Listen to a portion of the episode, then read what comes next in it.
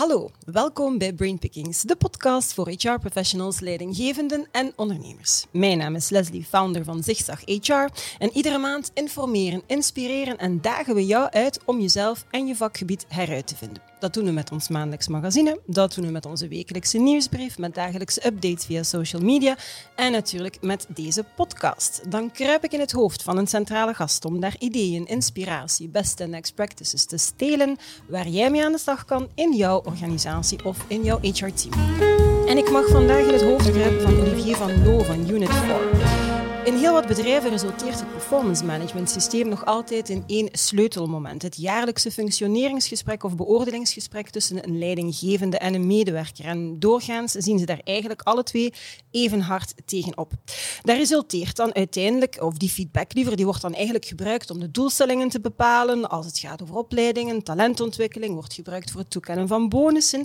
En vaak is het ook het enige moment waarop die medewerker zijn of haar wensen of ambities kan uitspreken. Nu, succesvolle bedrijven die hebben natuurlijk wel heel goed begrepen dat ze hun performance management aansluiting moeten doen vinden bij hun organisatiecultuur. En zij zetten ook veel meer in op continue feedback, op coachingsgesprekken en ze gaan focussen op het managen van de sterke punten. En dat brengt me natuurlijk naadloos bij Unit 4 en Intuo, het talent enablement platform dat een alternatief biedt voor de jaarlijkse performance reviews en engagement surveys.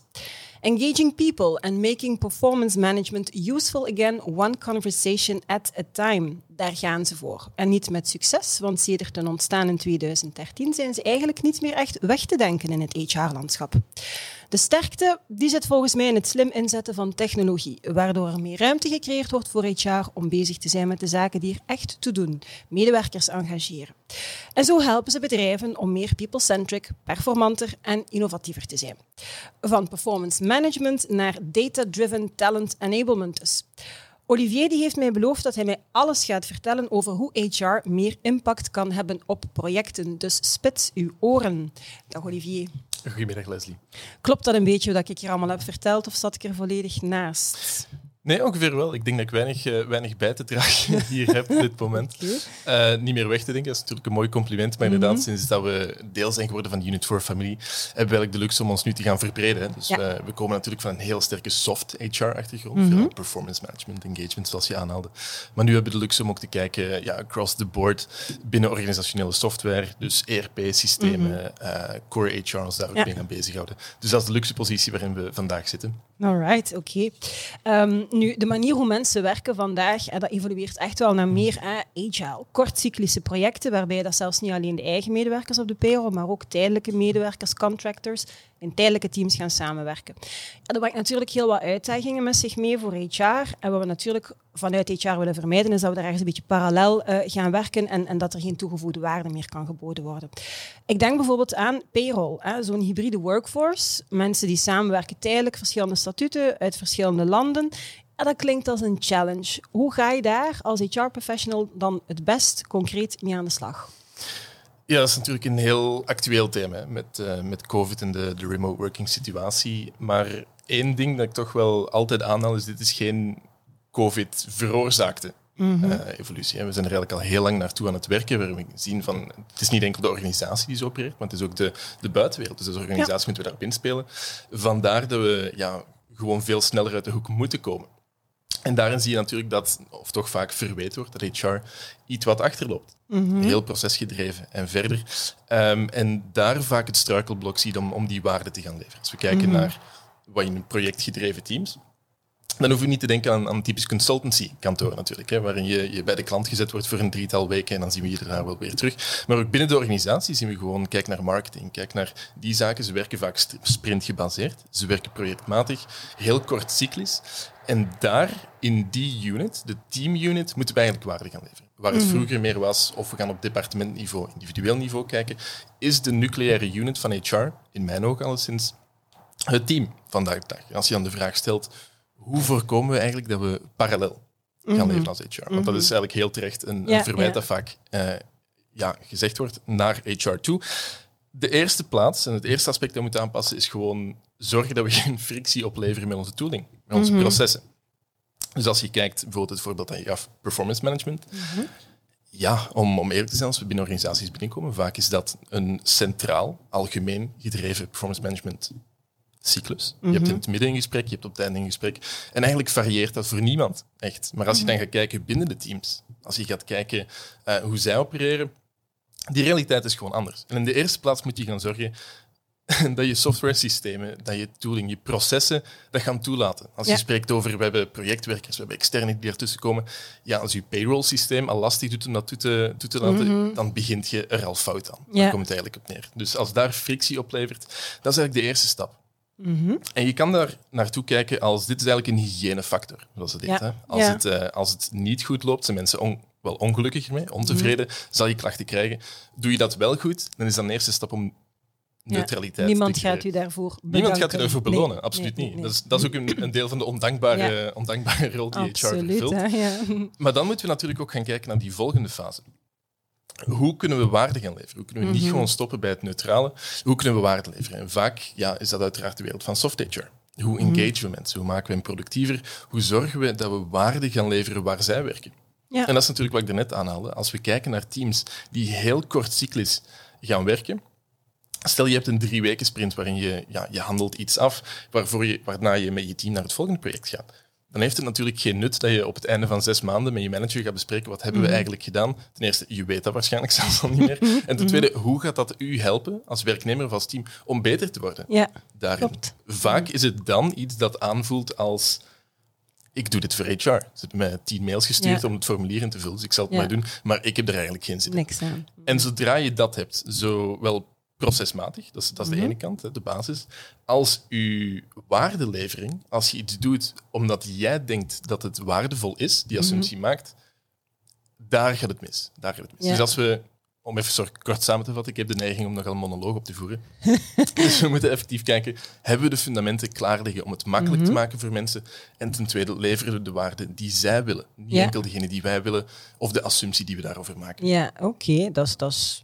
Dat is dat, is nog geen monoloog. Misschien moet ik me straks tegen, maar dat is heel helder. Uh, We zijn nog niet rond. Uh, dat is heel helder toegelicht. Nu, er is, uh, ik zie nog een uitdaging in organisaties die projectmatig werken. Dan als je in zo'n tijdelijk projectteam terechtkomt, dan betekent dat ook dat je een tijdelijke nieuwe projectmanager krijgt. En die persoon die gaat zijn of haar teamleden niet noodzakelijk heel goed kennen weet dan dus ook niet waar dat die persoon goed in is, wat dat de ambities zijn. Dus dan wordt het ook heel moeilijk om te zorgen dat volgens mij iedereen hè, gealigneerd is. Hoe kan je er dan voor zorgen vanuit HR dat de nodige informatie doorstroomt naar die projectmanager? En even belangrijk, hoe kan HR er dan zo goed mogelijk voor zorgen dat mensen op projecten werken die ze zelf relevant vinden en die aansluiting vinden bij hun persoonlijke ambities dan? Ja, heel goede vraag. Het, het laatste je wil bekomen, het, hetgeen je absoluut wil voorkomen, is dat je nieuwe onboarding moet doen bij elk nieuw project. Dan ben, je, ben je de helft van je tijd daarin kwijt. Dus daarin is het eigenlijk absoluut noodzakelijk dat je die informatie gaat capteren om die meetbaar te maken, duidelijk te maken en door te geven van manager op manager, mhm. ook voor de werknemer zelf. Maar daar is nu net het lastige, die informatie. Je hebt eigenlijk, zeker als het gaat over projecten, heb je mhm. een drietal soorten informatie. Ten eerste heb je natuurlijk de projectnode. Ja. Wat hebben we eigenlijk nodig op dit project? Um, als je echt salesmensen zoekt en je hebt een IT'er die daarvoor langskomt, ja, dat is natuurlijk niet de ideale fit. Ten tweede heb je dan ook nog, wat kan die persoon? Mm Dus je hebt de projectnode, je hebt de skillset van die persoon.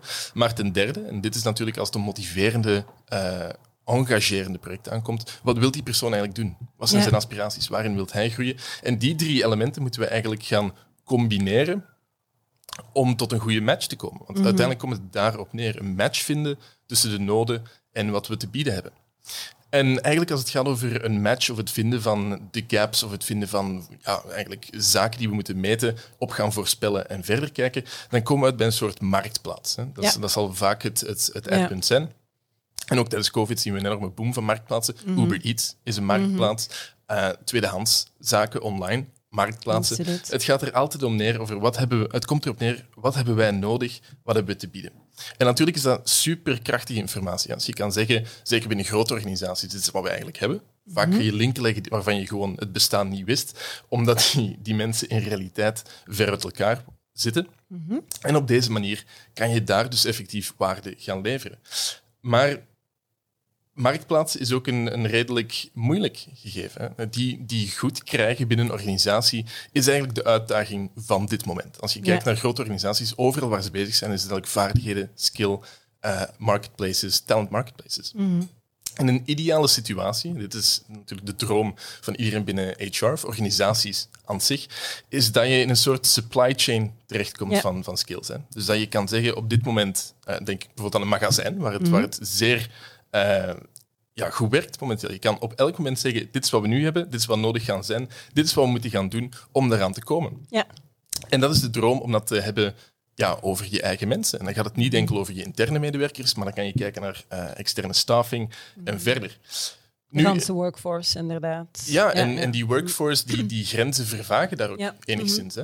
Eh, ja, denk bijvoorbeeld aan een Uber Eats voor je project. Je hebt een project en je gaat kijken wel- welke werknemers met welke skillsets hebben we daar, eh, daar zitten. Maar het allermoeilijkste is dat effectief goed krijgen, want mensen zijn natuurlijk geen bout. Hè. Mensen zijn geen moer die ergens in een vakje liggen eh, te wachten maar. tot er iets is. Ja, uiteraard, gelukkig maar. Ehm, dus die aspiraties die daar deel uitmaken, zorgen dat dat effectief waarde levert voor de personen zelf. Zorgen dat ze geëngageerd zijn om dat, daarmee te blijven werken. Dat is eigenlijk de sleutel Ja. Daartoe. Oké, right. Ehm, als mensen projectmatig werken, ja, dan leert je natuurlijk ongelooflijk veel bij. Ieder nieuw project is, is daar een opportuniteit. En dat lijkt me dan natuurlijk ook weer van wezenlijk belang, dat al die competenties en al wat ze geleerd hebben, dat dat dan tijdens dat project zo goed mogelijk gecapteerd wordt, maar uiteraard dan ook weer breder gedeeld kan worden op organi- organisatieniveau. En dat dat up-to-date blijft. Hè. Ehm, in een traditioneel bedrijf heeft een medewerker doorgaans één, misschien twee managers aan wie dat ze rapporteren. Maar in bedrijven die heel vaak in projecten gaan werken, ja, dan is die cyclus veel korter en hebben ze veel meer managers. Ook hier, hoe kan HR dan kort op de bal spelen en die, ehm, ja, laten we zeggen, ehm, die data up-to-date houden? En vooral, hoe zit het dan met, met knowledge management? Hè? Hoe ga je al die data gaan ja, echt capteren en inzetten als een hefboom hè, voor gans je organisatie? Wel, het zijn eigenlijk twee, twee delen van dezelfde vraag. Hè. Ehm, hoe houden we die data correct? Als we, en, en dat merk ik vaak ook als organisaties binnenkomen. Hoe kunnen we die geavanceerde zaken gaan doen met data? Hoe kunnen we, als iemand AI erop loslaten zegt, dan begin ik mij al zorgen te maken. Dan mogen ze van mij veel moeilijkere vragen gaan verwachten, zodra ze AI vermelden.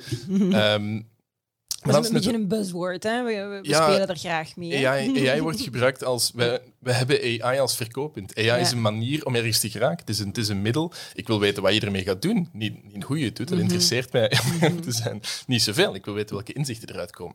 Dus mensen zijn vaak al veel te ver aan het gaan in wat gaan we met die data doen? Hoe gaan we daar inzichten op bekomen? Terwijl een van de moeilijkste dingen, en net omdat ik zei van het zijn mensen, geen, geen onderdelen van een auto of een machine waarop we wachten, is hoe zorgen we dat die data correct is, up-to-date en vermijden dat we een beetje die performance management valkuil trappen. Ja, waarin ja. we zeggen, kijk, mensen moeten het één keer per jaar updaten omdat wij het vragen. Uiteraard gaan dan ja, je insights, inzichten, datapunten niet al Niet te correct zijn. Ja. Nee, nee. Mm. Dus dan al die efforts, al die AI die erop gaan loslaten, al die staffingprojecten, uw Mhm. zeer complexe talentmanagement platform, valt in het water omdat uw data eigenlijk niet correct is. Mhm. Dus dat is eigenlijk de grootste drempel initieel waar we ook echt de tijd voor moeten nemen om het juist te doen. Hoe zorgen we dat we die waarde, die data, die skills up-to-date houden? En Mhm. in realiteit, in een ideale situatie, in mijn ogen moet HR dat absoluut niet doen. Mhm. Zij moeten misschien mee betrokken zijn en het systeem opzetten. Maar dit is iets dat waarde moet leveren voor hen, voor manager, voor werknemers.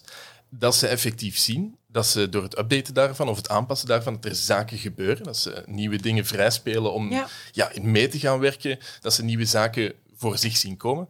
Als we terugvallen op een systeem waarbij we zeggen als HR sturen we een mail uit van het is nu tijd om je skills te gaan updaten in ons platform. Hier is nog eens de URL voor het geval je het niet weet. Hè. Ehm, dat is de, de slechtste situatie waar Ja. we kunnen zitten. Want Ja. dan vallen we terug op een systeem dat minimaal bruikbaar is. Dan, heb je, dan mag je nog zo'n fancy systeem hebben als je data die je erin steekt niet bruikbaar is, omdat mensen er de waarde niet van inzien. Mhm. Ze gaan het ook niet invullen. Loopt het fout. Ja. En als je data fout is omdat ze er waarde niet in zien, Ja. kan je geen inzichten voorkomen, Ja. eh, bekomen. En dan kan je ook geen waarde leveren en dan zit je vast in een vicieuze cirkel. Ja. Eh, dus dat is eigenlijk mijn grote alarmbel die ik hier Mhm. mag, ophangen. Ja. Als je daarin gaat betreden in heel dat veld, wat je zeker moet doen naar de toekomst toe, pas hier echt voor op. Zorg Mhm. Ja. dat het gealigneerd ligt met je organisatiecultuur, Mhm. maar capteer die diversiteit van teams ook. Zoals ik zei, teams is de unit waarnaar je moet kijken op dit moment. Hoe kunnen we hen maximaal ondersteunen, maximaal enablen, faciliteren. Ja. En als je daar waarde levert, doen ze hun ding wel. Je Ja, moet de- ja. de scène zetten en dan eh, gewoon loslaten om te spelen. Enablen is er inderdaad een, eh, denk ik een belangrijke eh, in. Hè. Nu, als, ehm, als alles zo snel verandert en mensen eh, meer en meer, of zelfs op een bepaald punt misschien louter, in, in projecten gaan werken, is er dan echt wel volgens mij een constante gap tussen de skills dat je nodig hebt en de skills die er dan op dat moment zijn. Dat betekent ook hè, dat, dat leren en ontwikkelen anders gaan moeten sneller. Hè. Lijkt me sowieso. Hoe ga je dan als HR je learning and development proces of systemen, hoe ga je die dan best eh, gaan aanpassen of eh, op maat daarvan krijgen? Ik vind het nu, en ik denk dat zeker naar de toekomst toe, een goed learning and development beleid een van de moeilijkste zaken zijn Mhm. die als HR moet doen. Omdat, zoals je zegt, die skills zijn nu. Als we terugvallen op het systeem dat we als HR gaan bepalen wat ze moeten leren, wat belangrijk is voor hen, ehm, dan heb je gewoon die informatiestroom die te lang zijn. Als wij Mhm. moeten gaan vragen wat, wat is er precies dat je nodig hebt, gaan we processen opzetten, weet ik veel welke In processen. de mate dat mensen dat ook weten al. Ja, ja. en vaak Mm. gebeurt dat tijdens het werk. Dus tegen Ja. dat het bij ons komt, tegen dat we iets opgezet hebben, tegen dat het terug bij hen is, is het vaak al niet meer relevant. Mhm. Jobrollen is nog zoiets. Tegen dat je die gemaakt Ja, hebt, heb je eigenlijk al nieuwe nodig. Ehm, dus ik denk dat we moeten afstappen van L&D in de mate dat het bijna een boekenkast wordt Mhm. op kantoor. Waarin je gaat kijken als je tijd en budget hebt en ruimte, want dat is waar je gaat leren. En ironisch genoeg staat het vaak zelfs los van je performance management cyclus. Dus Mhm. ontwikkeling en leren wordt al losgekoppeld. Maar we gaan moeten kijken, hier heb ik ook geen pasklaar antwoord op op dit Mhm. moment. Hoe kunnen we leren meebrengen in die waardeketen? Waarin Ja. je zegt, dit zijn de- bijvoorbeeld de projecten, dit zijn de mensen die we hebben. En daar die link al gaan kunnen leggen van, kijk, dat is wat we ook kunnen bieden vanuit de organisatie, lerengewijs. Ja, oké. Ehm, nog een uitdaging, ja, ik blijf ze maar afvuren. Hè. Ehm, als mensen weer hè, meer in die projectteams gaan werken, ehm, ja, je engagement binnen dat projectteam, ga ik ervan uit dat dat goed zit. Hoe zorg je er dan voor dat dat engagement ook op organisatieniveau blijft? Want je gaat systematisch eigenlijk in een kleine subcultuur hè, terechtkomen. Ehm, hoe zorg je ervoor dat mensen ook geconnecteerd blijven met, met de organisatie as such? Ja, en dat is ook een beetje een, een ziekte van de tijd. Hè. Veel van de, de klachten die je hoort over de gig economy enzovoort, is dat je werknemers eigenlijk los gaat trekken, heel onzekere basis. Als je dat talent matching platform gaat doorvoeren, kom je eigenlijk in een situatie terecht waar we een organisatie hebben zonder werknemers. We hebben taken Ja. met misschien wat managers en we gaan kijken wie kunnen we daarin gaan plaatsen Ja. en hoe kunnen we die gaan betrekken. Nu, de vraag is, als we mensen geëngageerd willen houden, moeten ze natuurlijk deel zijn van een groter geheel eh, daarin. En ja, dan moet je echt gaan. Dat is een moeilijk vraagstuk. Dan moet je gaan kijken hoe kunnen we ons als organisatie profileren met zeer be- veel bewegende onderdelen. En we hebben het daar net ook al kort voor de, de opname erover gehad. Maar bijvoorbeeld hoe we kijken naar een kantoor gaat er een Ja. heel grote rol in spelen. Nu zie je mensen gaan weg van kantoor naar meer thuiswerken. En men begint de vraag te stellen hoe moeten we die verhouding houden? Hoe verhouden we het thuiswerken tot het kantoorwerken? Ja. Maar vaak, waar het fout loopt, is dat er nog altijd gedacht wordt binnen hetzelfde, hetzelfde frame. Hè? Men gaat denken als een kantoor is nog altijd een kantoor waar men gaat om te werken. Je hebt er een paar meetingrooms en verder. We moeten gewoon herdenken, wat is dan in dit geval bijvoorbeeld de rol van een kantoor? Als we mensen thuis laten werken, zoals zij willen werken, zoals dat team wil werken, perfect voor hen. Misschien moeten we dan meer focussen op de sociale rol van een kantoor. We moeten Ja. een kantoor zien als een sociaal clubhuis, bijna, waarin mensen samen kunnen komen. We momenten creëren waarin ze ja, elkaar leren kennen, waar we een organisatie bouwen zonder puur de focus op we verwachten dat mensen naar hier komen om te werken twee dagen in de week, drie dagen in de week. Ja. Dat is absoluut niet het topic waar we het over moeten hebben.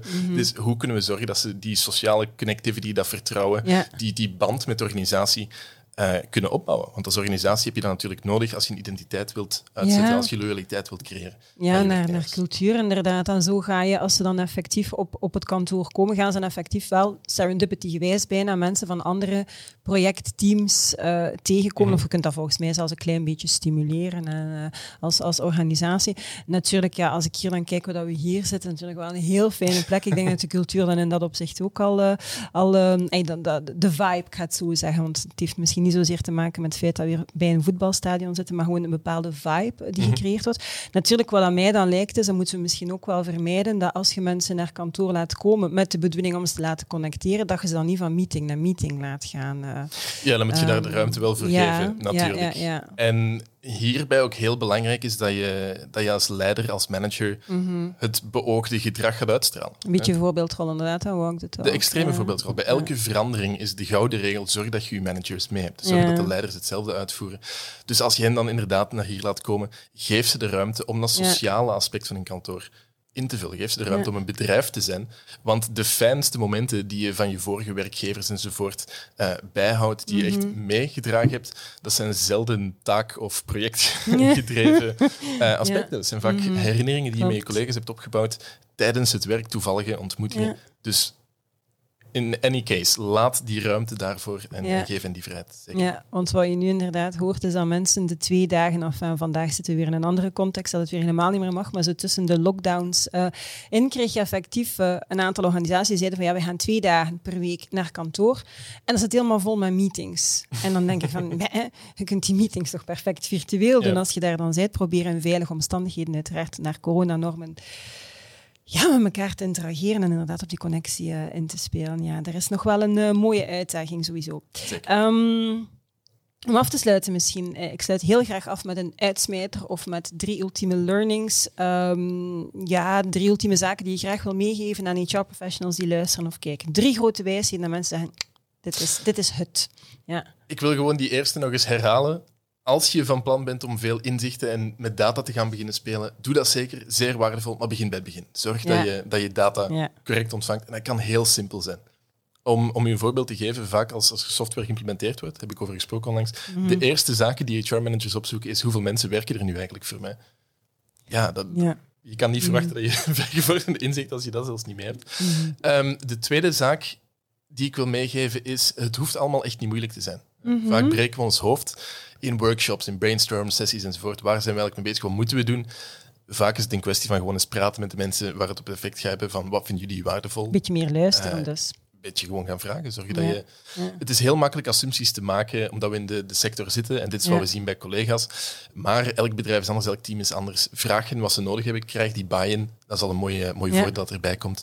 En dat zal u verder brengen dan vergevorderde workshops en nog een keer een brainstorm sessie of Mhm. een offsite waarin we dan een nieuw systeem gaan uitdenken. Nee, vraag gewoon een keer, wat speelt er eh, eigenlijk? En daarbij is de vuistregel voor mij, hou het zo simpel mogelijk. Ja. Hou het zo simpel ja. mogelijk. Heb je een ingewikkeld systeem dat minimale waarde oplevert, schrap het gewoon. Hou je bij, hou je bij de basis. Mhm. Hoe minder we engageren met hoe meer waarde, dat gaat u, dat gaat u laten winnen Ja. als HR. Dan ga je die band opbouwen waarin je effectief waarde creëert. En eens je dat fundament hebt, dan kan je misschien wat eh geavanceerder, Wat add-ons geavanceerdere... beginnen. eh, Ja, dan kan je je eigen hobbyprojecten nog erbovenop eh nagelen. Ja. Mhm, Oké, dan waren er twee. ja, Komt er een derde? een derde. Ja. Ehm, een derde punt om aandacht aan te besteden. Nee, ik kan er eigenlijk op geen, eh, op geen komen. Ik wou het tweede in twee delen opsplitsen, Ja, maar ik maar heb dat het eh, in één keer, in één keer beantwoord, vrees ik. Dat is helemaal oké. Drie is gewoon een leuke vuistregel, maar eh, er zat heel wat informatie. En ik denk effectief wat je zegt, hè, we, we maken het eigenlijk allemaal een beetje te moeilijk. We denken, te- we- misschien gebruiken we een beetje te weinig ons gezond verstand. Luisteren we te weinig en zitten we een beetje te veel in onze bubbel, hoor ik jou ook zeggen. Van, hè, vanuit, we gaan vanuit onze eigen assumptie en onze eigen veronderstelling hoe het zou kunnen, of wat we ergens anders gezien hebben bij een andere organisatie, gaan we dat dan ook gaan uitrollen en implementeren, terwijl... Luistert eerst een keer. Hè? Ja, zeker ook het thema van vandaag, projectmatige teams. Ja. Hè. Vaak hebben we het idee van we moeten het eigenlijk allemaal weten. Als Mm. We moeten hier een expert in zijn. Maar één, dat kan, je kan nu eenmaal niet weten wat een persoon op de vloer altijd nodig heeft op elk Mhm. moment. En zodra je dat loslaat en gewoon open zegt van kijk, we kunnen jullie daarin helpen, maar hoe wil je dat zien? En wat zijn de, maat, allee, wat zijn de frameworks die wij kunnen geven? Dan ga je veel gezonder, veel natuurlijker met hen omgaan Ja. dan te zeggen wij denken dat dit complex systeem eh, het meeste waarde levert of dat zegt dit, eh, deze business case bij dat bedrijf toch alleszins. Eh, en we gaan dat opleggen. Dan heb je nog altijd die top-down structuur waarin je het naar beneden gaat Mhm. duwen. En om eerlijk te zijn, en dat is een van de, de pet peeves die ik zelf heb, wat je vaak ziet is, we komen van een top-down. Laten we ons performance management systeem nemen. Mhm. Top-down, we zetten het op. We duwen het door, iedereen moet erdoor. Ehm we hebben gemerkt, oei, mensen doen dat niet graag één keer per jaar. We gaan dat meerdere keer. Continuous, Mhm. als het dan heet.